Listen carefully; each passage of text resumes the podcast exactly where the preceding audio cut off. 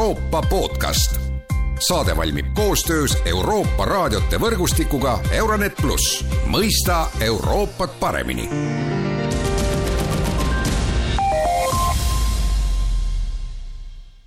tere taas kuulama Euroopa podcasti. kolmapäeval pidas aastakõne Euroopa Komisjoni president Ursula von der Leyen mis kõnest meelde jäi ja mis seal oli oluline, sellest on täna stuudios kõnelemas Euroopa Komisjoni Eesti esinduse juht Vivian Loonela, tere päevast! tere! ja mina olen Erkki Pahovski. no alustame selle kõne üldisest tonaalsusest, võrreldes eelmise aastaga oli ta asjalikum, tegeles võib-olla rohkem Euroopa asjadega, ma meenutan, et eelmine aasta Ukraina sõjast lähtuvalt oli see kõne väga palju pühendatud Ukrainale, ka sellised välised atribuudid äh, olid äh, Ukrainat äh, meenutavad, sinikollased lipud, noh, ja nii edasi ja nii edasi, aga see aasta oli see Ukraina toon võib-olla ära kadunud, ma ei ütleks, et noh, päris ära kadunud, aga ta oli sinna kõne sisse peidetud. Vivian, miks see niimoodi oli? arvan, ennekõike oli see nii sellepärast, et see toetus Ukrainale on meie jaoks nüüdseks nii enesestmõistetav et see on nii, et päike tõuseb idast ja loojub läänd, me ei pea seda iga päev üle kordama, me teame, et see nii on ja see on tegudes ju näha, mida Euroopa Liit on teinud, mida Euroopa Komisjon on teinud selleks, et Ukrainat toetada, seda äh, president mainis ka kõnes isegi, aga, aga vaatame siis reaalsusel, me oleme üle seitsmekümne nelja miljardi euro eest Euroopa Liiduna toetanud Ukrainat rahaliselt. me oleme andnud neile relvi, poliitiline toetus on täiesti raudtugev, ühtsus on jäänud endiselt. Ja mis siis von der Leyen tegelikult minu meelest kõige olulisemana ütles välja, ütleski, et see on selge, Ukraina peab saama Euroopa Liidu liikmeks. ja ma arvan, et Ukraina jaoks see on just see, mida nad tahtsid sealt kõnest kuulda, et see, et komisjon tegutseb selle nimel, me teame ju, et komisjon peab oktoobris tulema välja oma hinnanguga, et kuidas Ukraina on täitnud neid seitset tingimust, mis neile pandi enne eelmisel äh, juunil, et selleks, et äh, liitumisläbirääkimisi alustada, see, et me kuuleme seal kõnes komisjoni presidendilt seda, et jah, loomulikult, see on selge, nad peavad liikmeks saama, nüüd me peame vaatama, mis me ise peame ka omalt poolt need sammud ära tegema, et see nii läheks. et ses osas ma usun, see toetus Ukrainale tuli sealt siiski igatepidi läbi. ma natuke pressin edasi selle Ukraina teemaga või õigemini Venemaa teemaga, et et Ukrainat äh, oli seal kõne sees küll, aga mida eilsel arutelul ka Euroopa Komisjoni äh, korraldatud üritusel oli, oli see, et et noh, Venemaa vastusammudest või noh, vastusammudest Venemaale oli vähe juttu, et noh, oleks võinud ju rääkida, need on oleksid muidugi rahvusvahelisest tribunalist, sellest siis, milliseid sanktsioone Venemaa vastu veel rakendada, et seda seal kõnes ei olnud. Äh, tõepoolest, millele seal siis keskenduti, oli see, et mis on veel vaja ära teha, aga me vaatame seda sanktsioonide poolt, see ongi hästi oluline, me oleme ju olukorras, kus nüüdseks on üksteist paketti kokku lepitud ja kõik see, mis on kokku lepitud, lõpuks seal jäävad komisjoni käed veidi lühikeseks. oluline on siis, kuidas liikmesriigid neid sanktsioone täidavad. ja me näeme, et see on riigiti erinev ja sellega töö käib, aga mida saab siis Euroopa Liit teha, ongi, et käia ja selgitada, viidata ja, ja, ja nagu juhendada, mida võiks paremini teha, vahetada seal kogemusi erinevate riikide vahel. aga me näeme ka, et tõepoolest Eesti esimesed reaktsioonid olid jaa, me ootame järgmist sanktsioonipaketti ja selle kallal töö käib nii või naa, me võime kindlad olla, et tuleb uusi listimisi, uusi, uusi sanktsioonide nimekirju,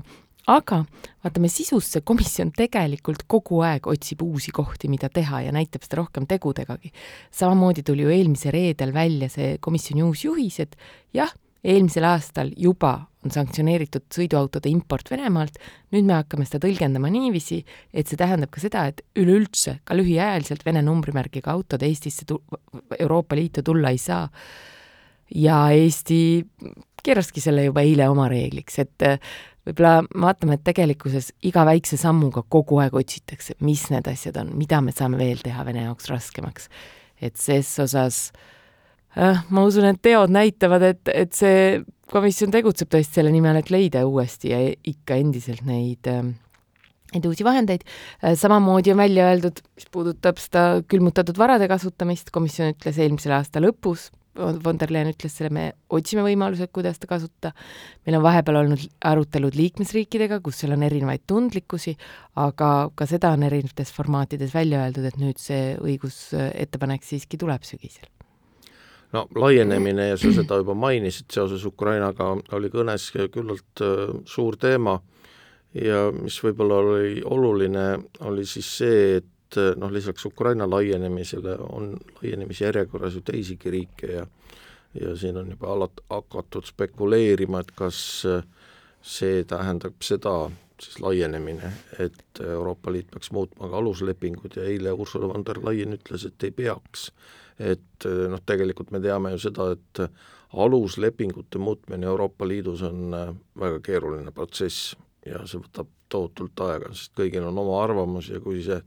uuesti avada, siis jääb see Euroopa Liit lihtsalt kinni. selles mõttes oli see oluline sõnum. see oli väga oluline sõnum, see oligi see, et asume tegudele, vaatame nüüd, kuidas nende läbirääkimisteks saab, mida riigid teevad ja vaatame samal ajal, mis me ise saame teha, et valmis olla selleks omalt poolt, me saame vaadata üle ka otsustusprotseduure ilma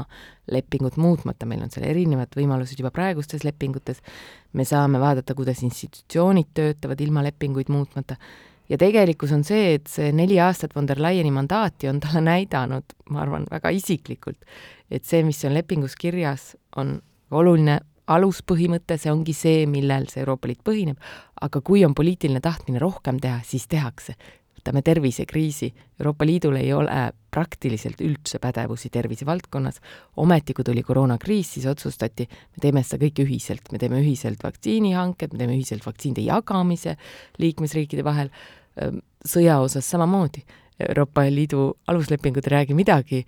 relvatööstuse toetamisest või relvade ostmisest selleks, et seda anda kolmandatele riikidele, ometi seda on tehtud, seepärast et kui selleks on poliitiline tahe, siis selleks on, leitakse võimalused ja ma usun, sellest johtuvalt ongi siis see otsus, et keskendume kõige põhilisele, mis on see, et kui me nüüd ükskord oleme saanud geopoliitiliseks Euroopa Liiduks, siis ärme lase seda hetke käest, vaid tõesti tegutseme nüüd nii, et need riigid meie naabruskonnas, kes igatepidi tahavad saada Euroopa Liidu liikmeks, et nad siis, anname neile selle võimaluse ka omalt poolt, mitte ärme lasku kuskile juriidilistesse ja vägagi päevapoliitilistesse vaidlustesse selle üle, kuidas lepingut paremini sõnastada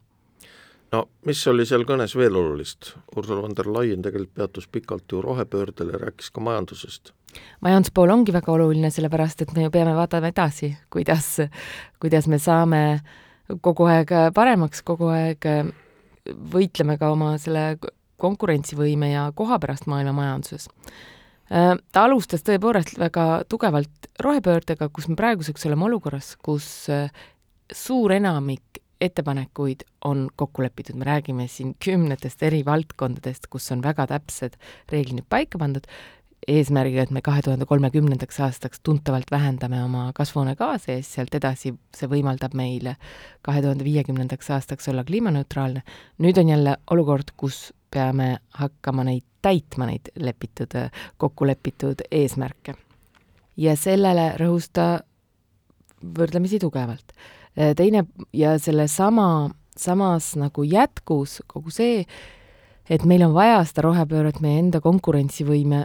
hoidmiseks ja tugevdamiseks, kui me vaatame, mida meie ettevõtted ootavad, millised on eksporditurud, siis seal on kõik see ähm, ütleme, need rohenõuded hästi olulisel kohal.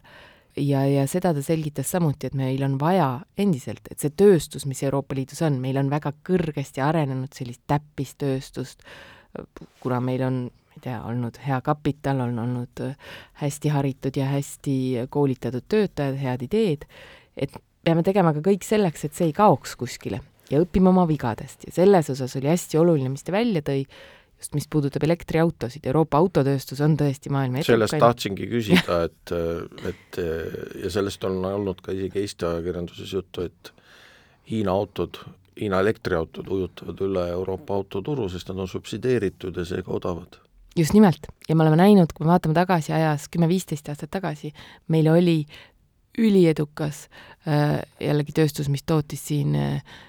päikeseenergia tootmisvõimekusi, paneele, kus Hiina tegelikult nii subsiidiumite kui intellektuaalse omandi vargusega äh, suutis meist mööda minna. nüüd enam sellist nagu naiivsust Hiina osas ei ole, von der Leyen ütles ka selle selgelt välja jah, me teame, et nad äh, tegutsevad ebaausalt, see on konkurentsireeglite rikkumine, me alustame nüüd konkurentsimenetlust. ja see ei ole muidugi mingi väike asi, et kui on konkurentsimenetlus nende äh, Hiina elektriautode osas, siis me mäletame nendest eelmistest konkurentsi äh, case idest, seal on trahvid, mis ulatuvad miljarditesse, mis lõpuks ka Hiina puhul on märkimisväärne. nii et ses osas, ma arvan, oli see päris jõuline sõnum, et kui me vaatame, mis turgudele kõige rohkem mõjus, siis see oli tingimata see sealt kõnest. No mind huvitas ka see, mida Ursula von der Leyen rääkis tehisarust ja selle üle on ju samuti väga palju vaieldud ja aru peetud, no põhimõtteliselt võis sellest kõnest aru saada nii, et et tuleks kuidagi tehisaru kontrollida, noh minu isiklik arvamus, väga isiklik arvamus on see, et et see tehisaru areneb lihtsalt nii kiiresti, et äh, väga raske on seda ikkagi kuidagi piirata, aga mis, mis sina arvad või mis sina ütled? seal mingid põhimõtted peab kindlasti paika panema ja selle kallal töö käibki Euroopa Liidus. komisjon tuli tegelikult välja selle ettepanekuga juba vist kaks aastat tagasi, veidi, veidi rohkemgi, et mis on need, loomulikult ei hakka Euroopa Liidu määrusega, me ei hakka ütleme ette, kuidas see algoritm seal täpselt peab toimima, see ei ole ju see ei ole kellegi huvideski. aga äh, panna paika need põhimõtted, et on eetiline kasutus, et see nagu, et ta ei hakkaks mõjutama meie poliitilisi protsesse, et ei muutuks kuidagi diskrimineerivaks. sellised suured põhimõtted paika panna, ma arvan, on väga olulised, kui ma vaatan meil Eestis endal tegelikult äh, ütleme, need juhtivad äh, digitegelased, nägin siin Sten Tamkivi just ennem koridoris, on samamoodi nende, need inimesed, kes on tegelenud väga nagu isiklikult ise nende teemadega, nende sõnum on alati olnud ka, et et me peame ikkagi olema valmis selleks, et et meil mingi kontroll selle asjade üle on, meil oli septembri alguses siin äh, Eestis käimas äh, digivolinik Thierry Breton, kes ütles just, rääkis siinsama, et ta oli just käinud Californias,